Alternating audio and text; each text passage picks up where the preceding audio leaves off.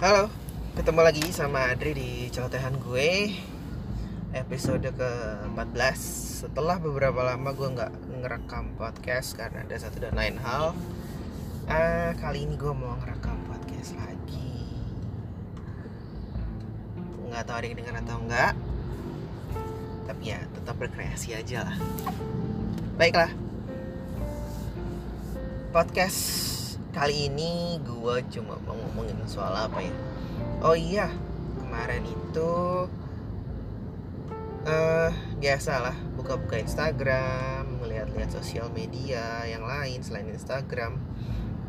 Terus uh, eh, gue tertuju pada satu postingan di Instagram infografis dari Tirto ID mengenai depresi pada seorang ayah setelah sang istri melahirkan. Mungkin uh, kedengarannya nggak maskulin banget ya. Kalau seorang pria yang notabene ayah juga seorang suami itu depresi setelah uh, istrinya melahirkan. Tapi bisa dibilang gue pun mengalami itu jadi yang namanya baby blues itu bukan cuma makanannya wanita saja. Pria juga bisa mengalami. Tapi uh, karena pria lebih mengutamakan logika daripada perasaan sangat jarang sekali pria itu mengumbar kedepresiannya biasanya ya mereka melakukan pelarian ke hal-hal tertentu yang biasanya sih main game ataupun olahraga. Tapi ya itu bentuk suatu pelarian dari stres dan depresinya. Dan hal itu gue rasain loh hal itu gue rasain banget waktu uh, lahiran anak kedua. Itu banget. Lahiran anak pertama gue juga ngerasain. Tapi gue nggak gitu ambil pusing. Kenapa gue dibilang di lahiran anak kedua? Begini. Di lahiran anak pertama gue dan istri emang udah expect uh, untuk punya anak setelah beberapa tahun mengalami proses naik turun. Dalam artian e, banyak hal yang kita alami dari mulai omongan orang-orang di sekitar yang selalu nanya pertanyaan yang sama kapan punya anak? Nggak punya anak ya? Segala macam itulah dari yang kita baper sampai akhirnya kita nggak baper lagi. Akhirnya jadi masa bodoh.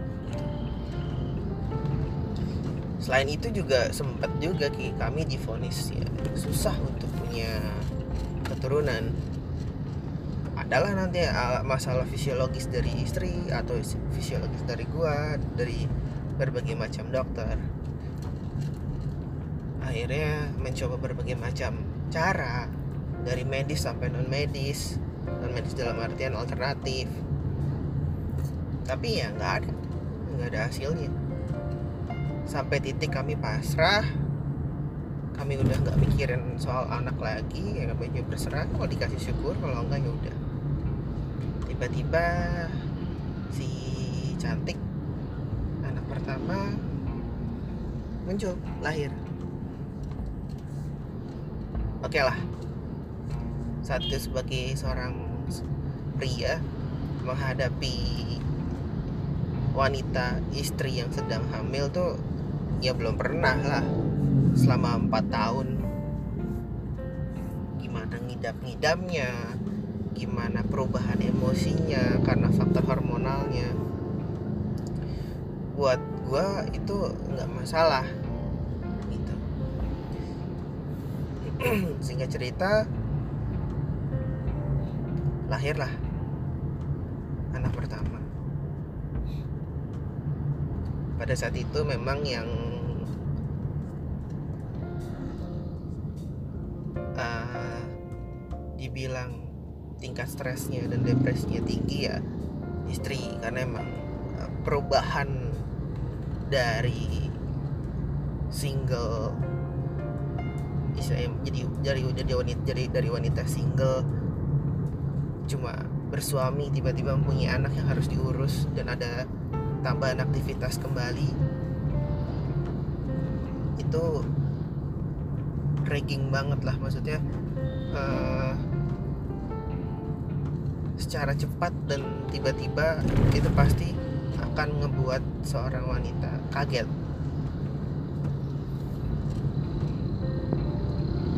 kalau ada yang berpikir ah lu nggak siap lu ini lu ini lu ini lu ini itu kan udah naluri segala macam ini bla bla bla bla bla bla bla bla bla bla bla bla hey kalau ada yang punya pikiran kayak gitu dan sampai ngomong di depan istri gue seperti itu gue robek mulutnya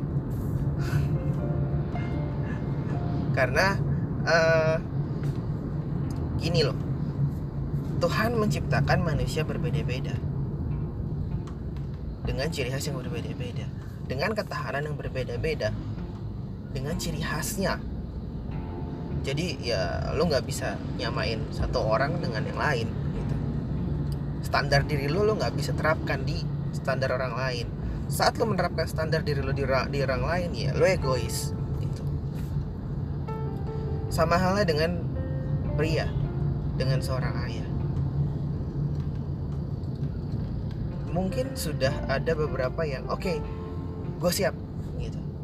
Punya anak segala macam kalau dibilang gue nggak siap gue siap. Yang tidak gue perhitungkan adalah uh, perubahan emosional istri baby blues itu seperti apa.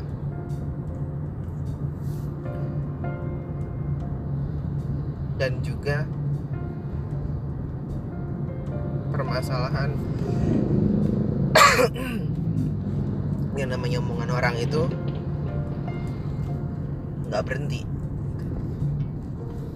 Gitu. Gue paling stres di situ waktu itu. Terus kalau dibilang soal finansial atau apa pun gue pikir gue udah siap sama istri udah siap. Gue tau udah nabung tapi memang dalam perjalanannya setelah kita cari tahu banyak segala macam mengenai uh, perencanaan finansial keluarga apalagi untuk anak-anak wow kita masih kurang sekali ya. Nah itu itu pun akhirnya membuat gue menjadi stres depresi bingung linglung lalu di setelah kelahiran anak pertama yang bikin gue juga depresi dan nggak sampai depresi stres aja sih. Uh, karena anak gue harus masuk rumah sakit. Dan pada saat dia tidak didiagnosa asma. And then again masalah finansial pada saat itu memang gue belum uh, dan gue nggak tahu ya apa jabang bayi itu bisa diasuransikan ya? Nggak tahu juga. Akhirnya masuk rumah sakit. Uh, eh, gue nggak tahu itu gue gue cuma bisa pasrah doang. Uh, seadanya dana waktu itu seperti apa ya sudah. Dan puji Tuhan gue dibantu.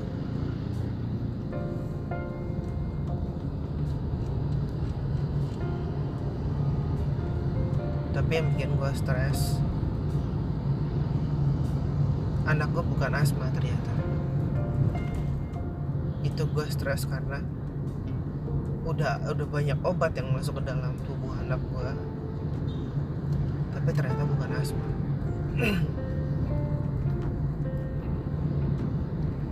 karena gue tipe yang pemikir suka overthinking juga. Itu momok buat gue waktu itu. Wah sial. Ternyata anak gue nggak nggak asma. Terus gimana itu obat yang udah masuk? Bla bla bla bla bla bla bla bla bla. Akhirnya ya udah sampai titik. Gue cuma bisa berdoa gue bawa ke dokter yang istri gue gue ikutin semua prosedur pengobatannya. Dan puji Tuhan emang cuma hanya pertusis terpapar virus.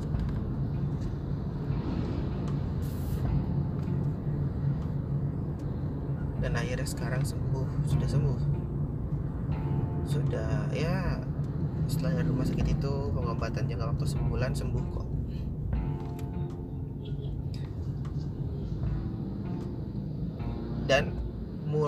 gue depresi dan stres saat anak kedua karena saat anak gue yang pertama umur baru 4 bulan si jagoan lah ada nih tiba-tiba.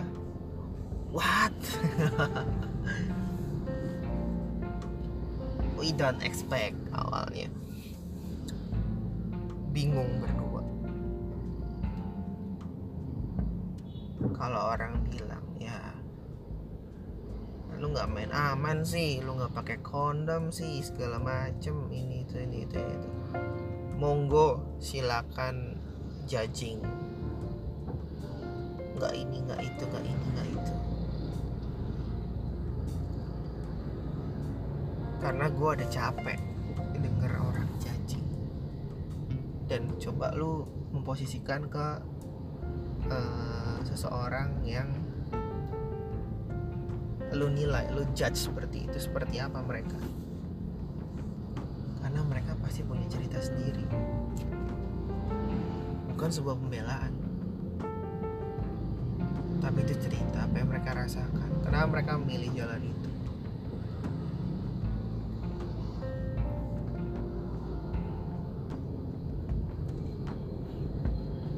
Kenapa nggak langsung pasang KB apa segala macam Woi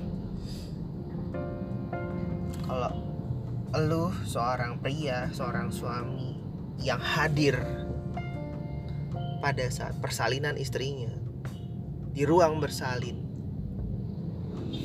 dan ngeliat istri lu berjuang setengah mati untuk melahirkan anak yang merupakan darah daging dari kalian berdua. Kalian berdua, suami dan istri. Tanggung jawab kalian berdua. Itu antara hidup dan mati. Dan melihat prosesnya bagaimana bayi itu keluar dari rahim menuju vagina lalu keluar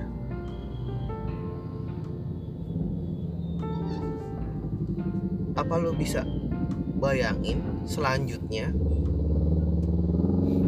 ada alat yang dimasukin lagi ke dalam tubuh istri lo melewati dan di tempat si bayi itu ada. Itu alat lo apa lu tega?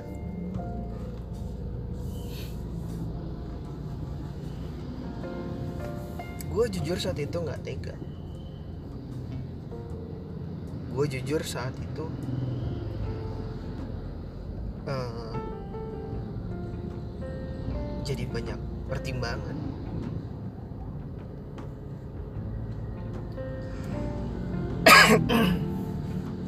Baca ini dengar orang bagaimana KB spiral itu uh, ya mungkin satu dari sekian banyak ya uh, bergeser ataupun menimbulkan apa namanya uh, kesalahan. Malfungsi bisa buat infeksi.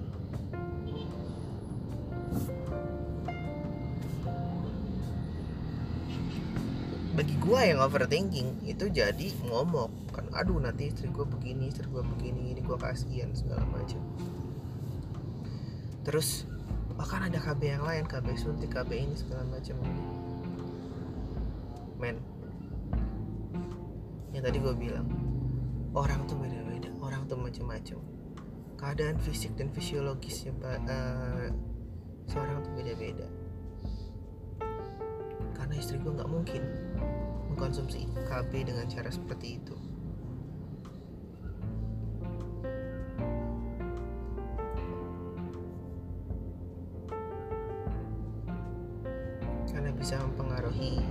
uh, hormonalnya. Apalagi di pernah operasi tumor mungkin banyak yang ngerti soal ini. Jadinya ya nggak mungkin bisa. Mediana ya spiral. Jadi gue udah bilang saat itu lo ngeliat istri lo seperti apa perjuangannya?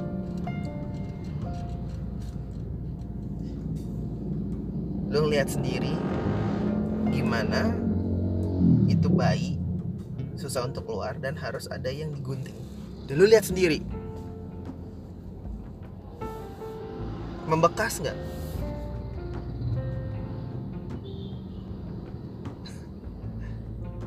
Ini ini kebiasaan jelek gue membayangkan sesuatu yang jelek. Saat gue bilang tadi di di suatu tempat di suatu daerah ada yang dengerin podcast ini nyeletuk komen. Ya lu aja nggak siap jing gitu kasarannya. Oke gue nggak siap. Apa kalau juga siap? Gitu. Gue sama lu beda. Gue seperti ini. Dan lu bisa bilang nggak gue siap kok. Gue gue gue nggak akan trauma segala macem. If you know yourself you can say that. Tapi mau cara jadi diri itu setiap saat lo setiap hari malah. Lu seperti apa? Dan momen-momen seperti itu bisa aja uh, sesuatu yang lu pikir biasa aja tapi ternyata enggak. Dan akhirnya menimbulkan rentetan pemikiran yang lain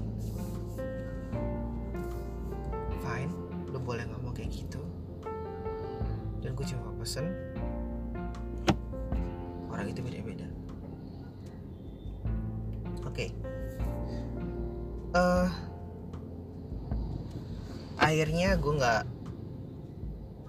nggak menyarankan istri gue untuk pasang KB dulu. Karena tadi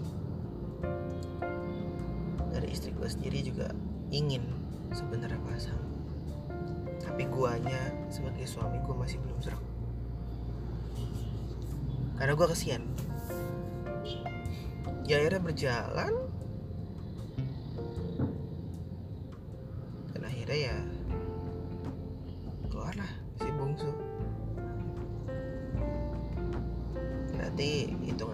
cuma setahun. Dan di situlah mulai stres gue sampai depresi gue jalan.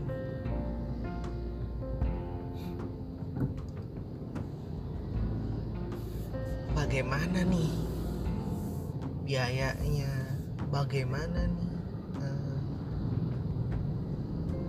gua ngurusnya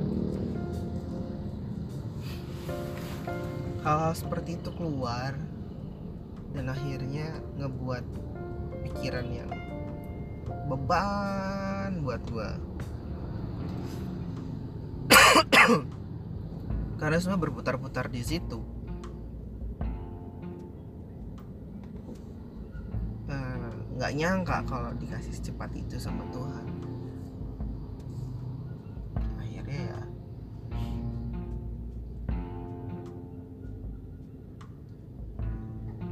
saat itu gue bingung. Sambil gue jalani seperti biasa aja. Cuma akhirnya memang itu berefek sekali. Gue gue menyingkirkan ya udahlah udahlah udahlah. Nggak gue hadapi. Akhirnya gue gue tau gue depresi itu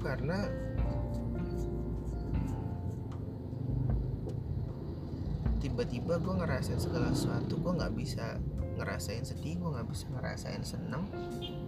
Apa pun itu ya flat aja. Ternyata gue depres setelah lahir si bungsu mulai lagi tambah. Ya kalau untuk seorang ayah emang yang sering jadi momok ya soal finansial. Bagaimana kami bisa menghidupi semuanya dengan keadaan yang sekarang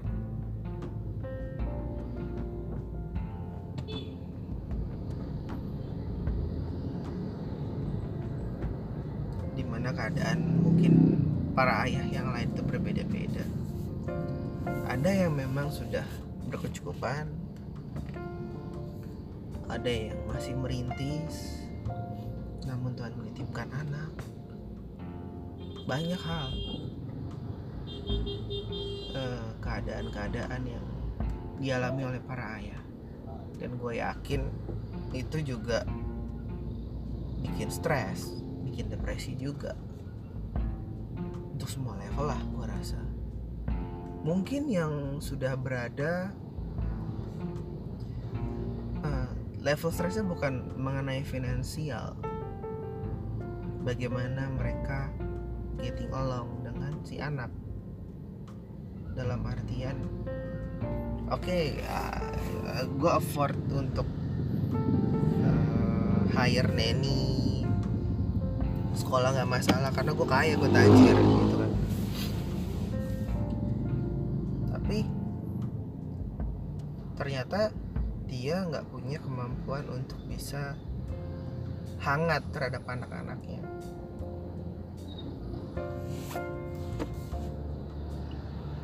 Tapi dalam di satu sisi dia pengen cuma itu susah. Itu bisa jadi hal yang membuat depresi loh. Jadi depresi bukan soal keuangan saja. Banyak hal. Atau mohon maaf ada yang punya keterbatasan fisik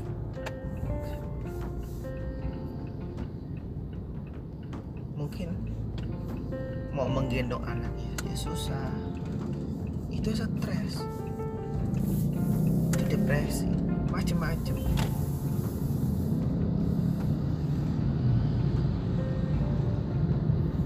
Lalu kalau dalam hal gue puji Tuhan Tuhan memberikan gue lengkap fisik lengkap utuh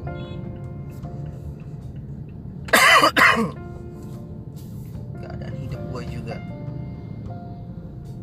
Baik cukup.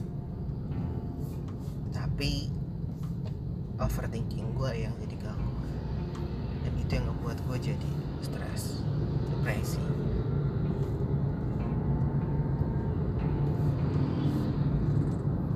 akhirnya ya buat gue akhirnya balik ke finansial I took double job loh.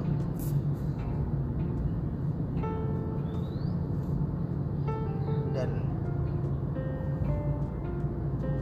dan gue pun masih merasa ah itu kurang. Memang manusia itu selalu berpikir akan kurang.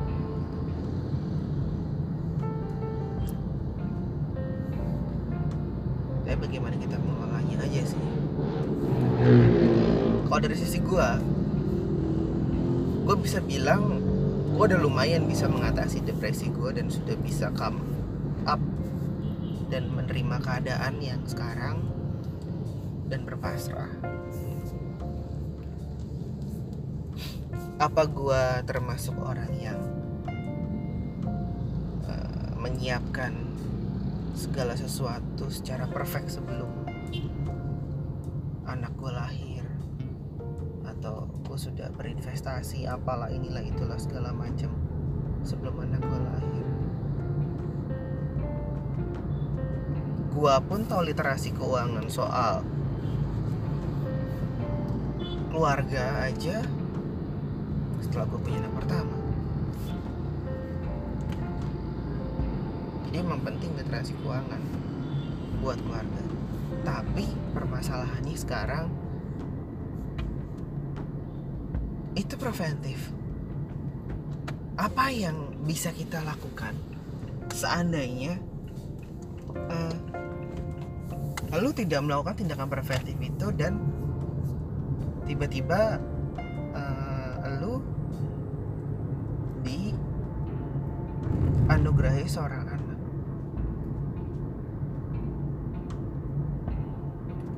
Let's say baru nikah di Indonesia ini kan uh, buat nikah aja ribetnya bukan main kan? Uh, ngurusin inilah itulah segala macam. Undangan lah catering apa segala macam ini itu bla bla bla bla bla bla bla bla bla. Tiba-tiba harus ngeluarin duit sekian ratus juta. Oke dapat tuh. Setelah dapat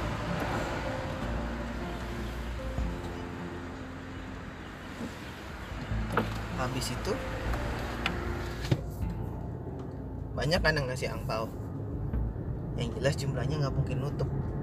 Apa yang udah lu keluarin buat acara satu hari aja itu.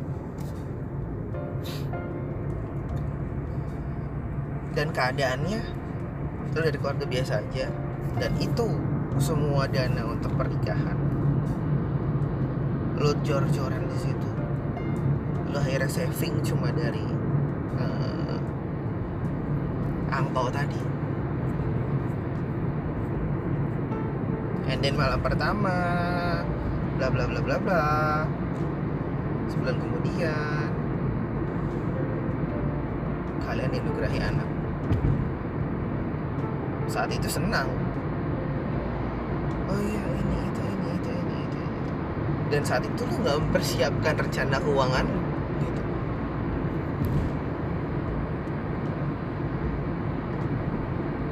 dia pas anak lahir jebret blos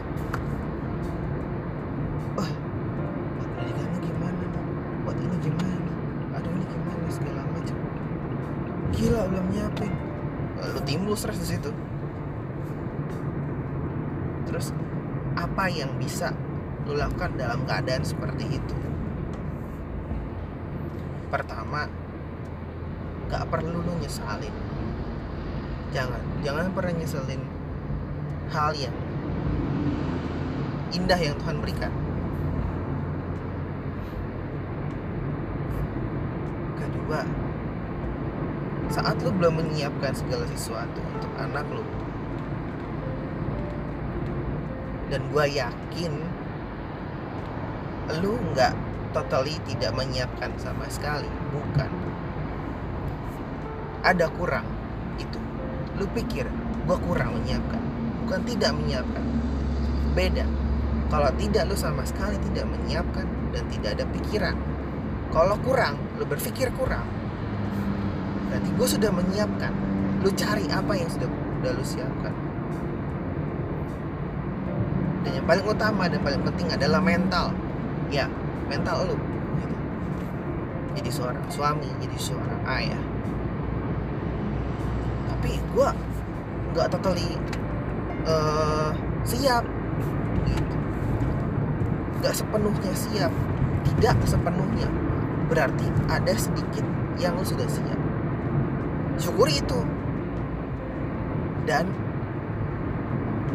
lu uh,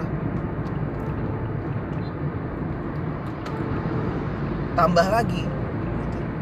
dengan cara lu bisa ngobrol dengan mungkin rekan kerja lo yang sudah jadi ayah sudah lama. Apa pengalamannya? Atau lo bisa baca-baca atau lo bisa uh, dengerin podcast. Lalu bagus itu. Curhat babu podcast tuh bagus buat orang tua orang tua muda ya. Baik ibu atau bapak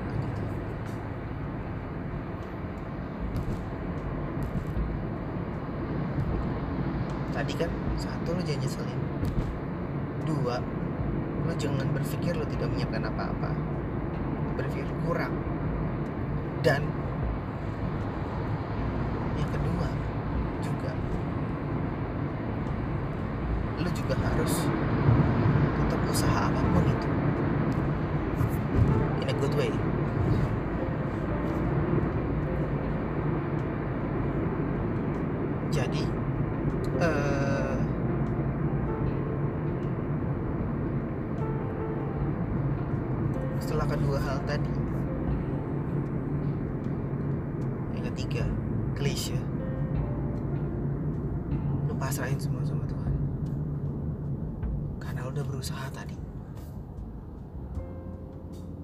Bisa lo usahakan saat lo kurang menyiapkan segala sesuatu.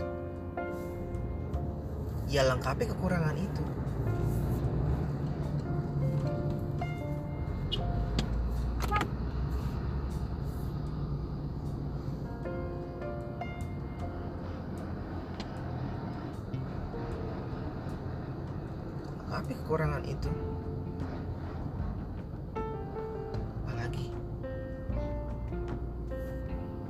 jalin kerjasama yang kuat dengan istri. Saling menguatkan. Dan yang keempat buat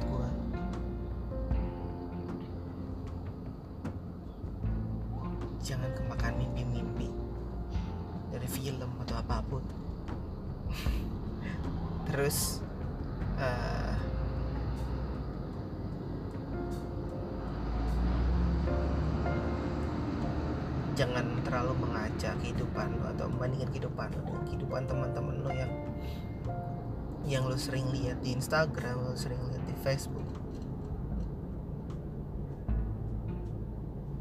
Kenapa? Sedikit hal tersebut bisa mempengaruhi lo. Nanti lo bisa punya pemikiran uh, aduh teman-teman gue udah A B C D tapi gue masih di A kok gue begini begitu gitu.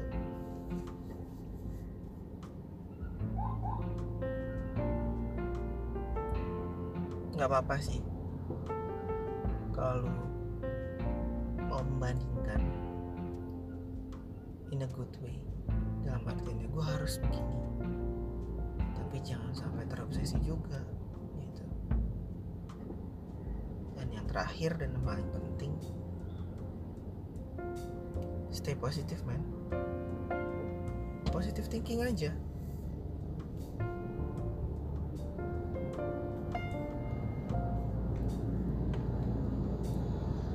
Terhadap semua hal.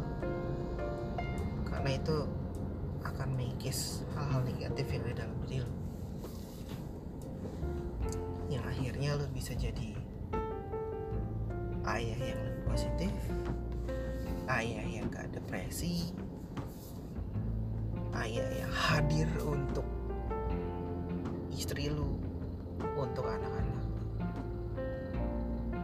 jadi uh, stres atau depresi pasca kelahiran seorang anak buat ayah itu ada solusinya kok.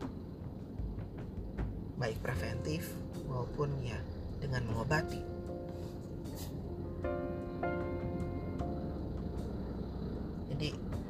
kalau lo tidak melakukan tindakan preventif bukan berarti lo habis gitu.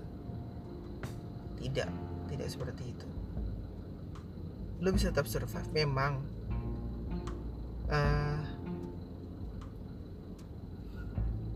ya kalau kita minum obat ya ya harus telan dulu pahit-pahitnya biar sembuh. Itu aja kalau lo bisa melakukan tindakan preventif lebih baik. Tapi kalau udah kadung segala macam just take the pill the medicine dan nikmati proses penyembuhannya. Itu apalagi?